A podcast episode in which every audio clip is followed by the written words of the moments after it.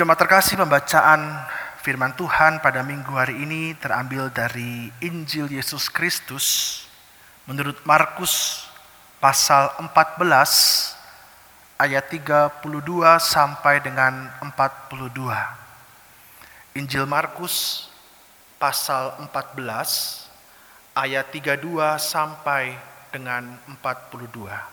Lalu sampailah Yesus dan murid-muridnya ke suatu tempat yang bernama Getsemani. Kata Yesus kepada murid-muridnya, "Duduklah di sini sementara aku berdoa." Dan ia membawa Petrus, Yakobus, dan Yohanes sertanya. Ia sangat takut dan gentar. Lalu katanya kepada mereka, "Hatiku sangat sedih, seperti mau mati rasanya." Tinggallah di sini dan berjaga-jagalah. Ia maju sedikit, merebahkan diri ke tanah dan berdoa, supaya sekiranya mungkin saat itu lalu daripadanya. Katanya, Ya Abah, ya Bapa, tidak ada yang mustahil bagimu. Ambillah cawan ini daripadaku, tetapi janganlah apa yang aku kehendaki, melainkan apa yang engkau kehendaki. Setelah itu ia datang kembali dan mendapati ketiganya sedang tidur.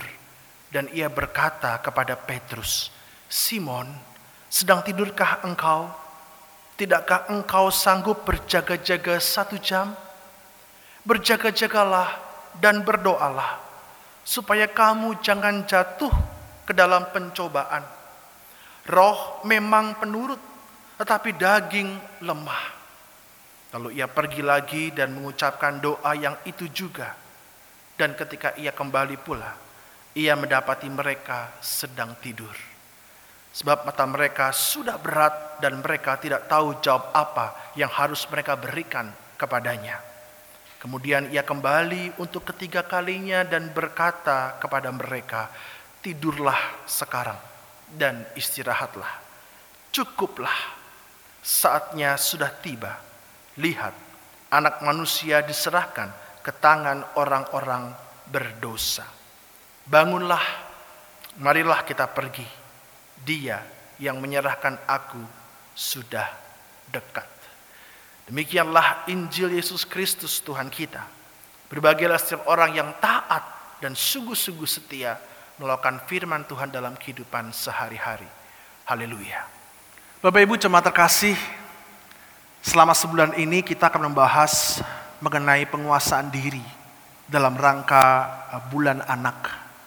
Anak-anak melalui channel sekolah minggu telah belajar menguasai diri dan kita sebagai orang tua juga belajar hal yang sama. Apa tujuannya? Supaya kita bisa menjadi teladan bagi mereka Supaya ketika mereka belajar di rumah, mereka melihat contoh dari kita semua. Bagaimana kita menguasai diri kita. Minggu lalu kita belajar soal penguasaan diri untuk hidup cukup ya melalui khotbah pendeta Lukas. Dan minggu ini kita belajar menguasai diri untuk tenang.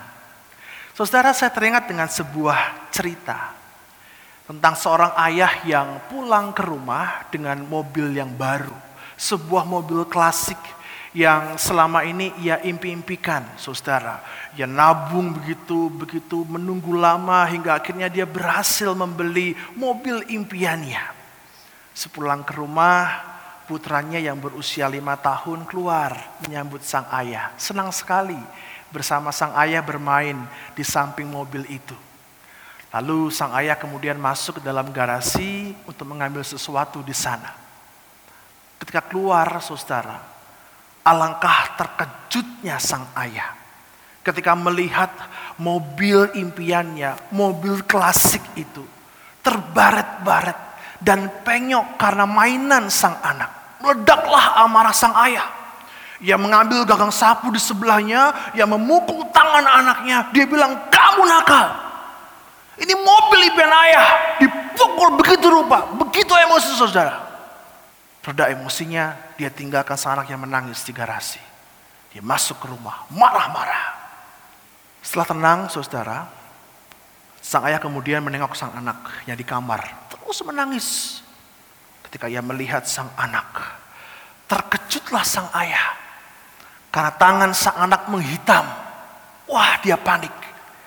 Dia bawa sang anak ke rumah sakit buat diperiksakan. Tetapi dokter mengatakan, maaf pak, tangan anak bapak sudah infeksi parah. Sudah menghitam dan mohon maaf, harus diamputasi. Kalau tidak diamputasi maka bisa menjala ke yang lain. Akhirnya dioperasilah anak itu, diamputasi tangannya, dipotong bagian tangannya. Usai operasi saudara, sang anak perlahan-lahan sadar dia buka matanya. Sang ayah menunduk melihat sang anaknya.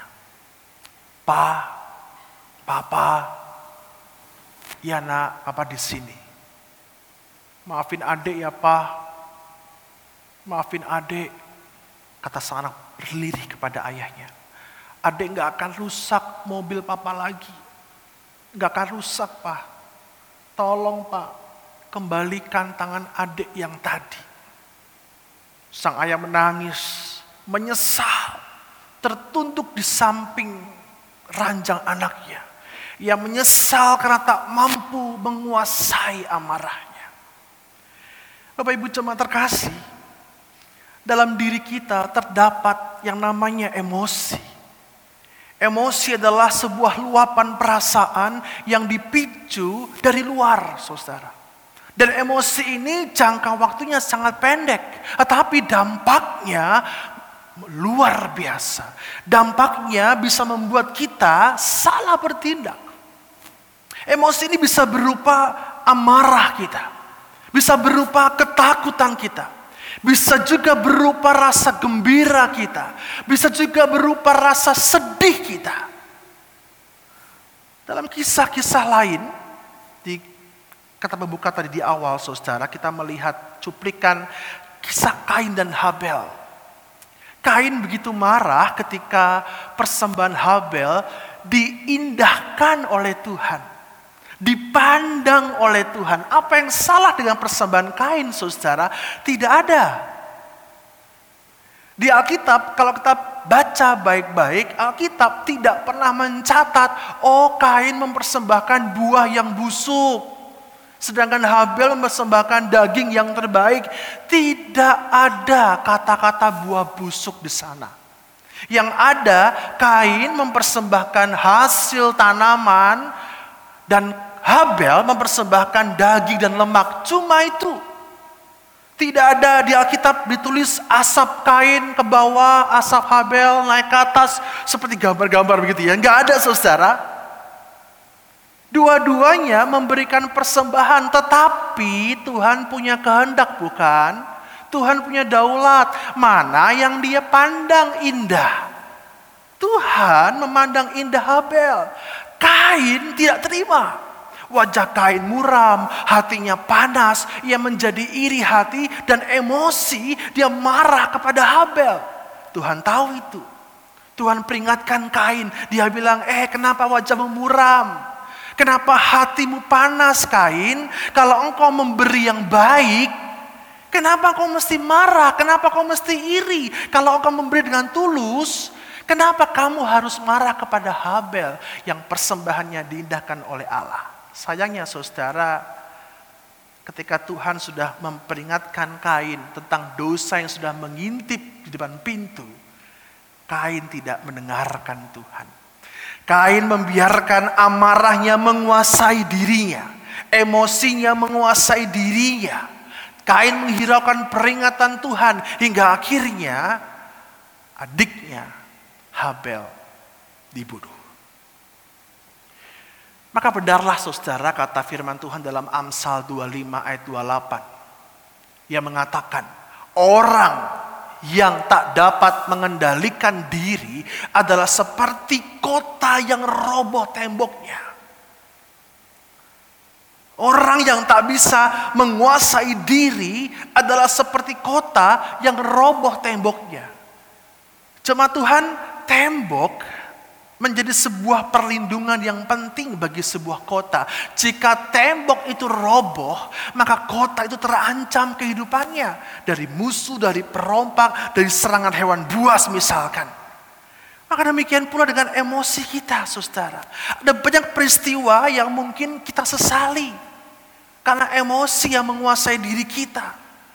Emosi itu menguasai dan dan berusaha untuk mengendalikan kita, mengontrol kita. Kemarahan yang yang mengontrol kita membuat kita menjadi orang yang temperamental, yang marah-marah, melukai orang dengan perkataan kita, dengan kekerasan fisik, baik bagi anak-anak maupun pasangan kita di rumah. Kenapa? Karena kemarahan kita biarkan menguasai kita. Ketika kesedihan juga menguasai kita, sehingga semuanya tampak merana dan muram serta tidak ada lagi pengharapan. Ketika kesedihan dibiarkan menguasai kita. Ketika ketakutan menguasai kita juga, kita tidak bisa lagi berani menghadapi hidup. Karena semua serba takut. Anak mau kuliah luar kota, jangan deh takut, di Solo aja.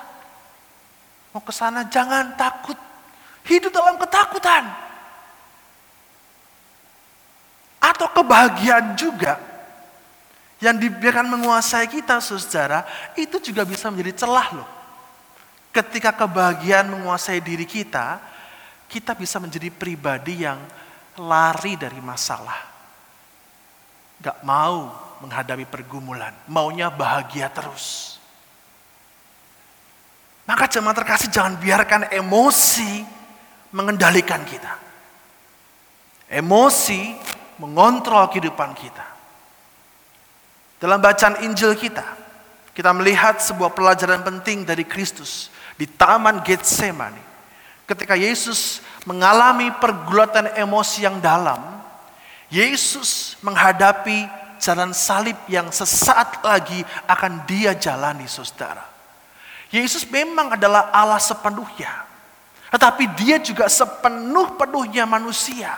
Dan dalam kemanusiaan itu, saudara terkasih, Yesus juga merasakan emosi ketakutan, emosi kesedihan. Dia mengatakan hatiku sangat sedih rasanya. Ada satu pergumulan dalam diri Yesus menjelang salib. Tetapi saudara, Tuhan Yesus memberikan sebuah contoh buat kita dia tidak membiarkan emosi itu menguasainya. Tapi justru ia menyerahkan dalam doa. Ia berlutut kepada Bapa. Ia berdoa, ia mengatakan, Tuhan bukan kehendakku yang jadi. Biarlah kehendakmu yang jadi. Dan dia memberikan pesan kepada murid-muridnya dan kita semua. Berjaga-jaga dan berdoa agar jangan jatuh dalam pencobaan. Itu pesan Kristus buat kita semua saudara. Karena itulah berjaga-jaga dan berdoa itu apa artinya? Berjaga-jaga artinya kita sadar dulu. Jangan sampai kita mau dikuasai oleh emosi-emosi kita. Sadar dan mawas diri saudara. Jaga hati.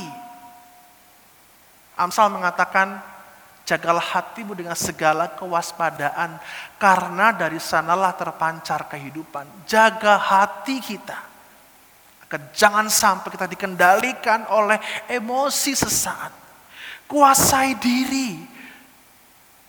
1 Petrus 4 ayat 7 mengatakan, kuasailah dirimu supaya kita dapat berdoa. Selain berjaga-jaga dan menguasai diri, Tuhan mengatakan berdoalah dalam doa jemaat terkasih. Kita menjaga relasi kita dengan Allah. Kita mohon hikmat dan ketenangan dari Allah agar kita mampu mengendalikan emosi dalam diri kita. Mampu untuk mengendalikan diri kita. Dalam doa kita pun juga menyerahkan diri sepenuhnya pada kuasa Allah. Percaya bahwa semua cukup dalam pemeliharaan, dalam penyertaan Allah. Seperti Yesus yang kemudian menyerahkan kepada kehendak Bapa. Doa juga menjadi persekutuan kita yang erat dalam Roh Kudus. Kita mampu menguasai diri kita karena Roh Kudus. Roh Kudus yang beri kita kekuatan itu, saudara terkasih. Roh Kudus yang beri kita kemampuan untuk menghasilkan buah roh, yaitu penguasaan diri. Maka jemaat terkasih, berjaga-jaga dan berdoa menjadi pesan yang terus kita ingat. Jangan sampai tembok kita roboh. Jangan sampai kita menyesal karena dikuasai oleh emosi kita. Belajar untuk berjaga-jaga, belajar untuk berdoa, belajar untuk tenang. Latihlah diri kita. Rasul Paulus dalam 1 Korintus 9 ayat 27 yang mengatakan, Aku melatih tubuhku dan menguasainya. Seluruhnya. Supaya sudah memberitakan Injil kepada orang, jangan aku sendiri ditolak. Doa juga terwujud dalam sikap kita untuk berlatih.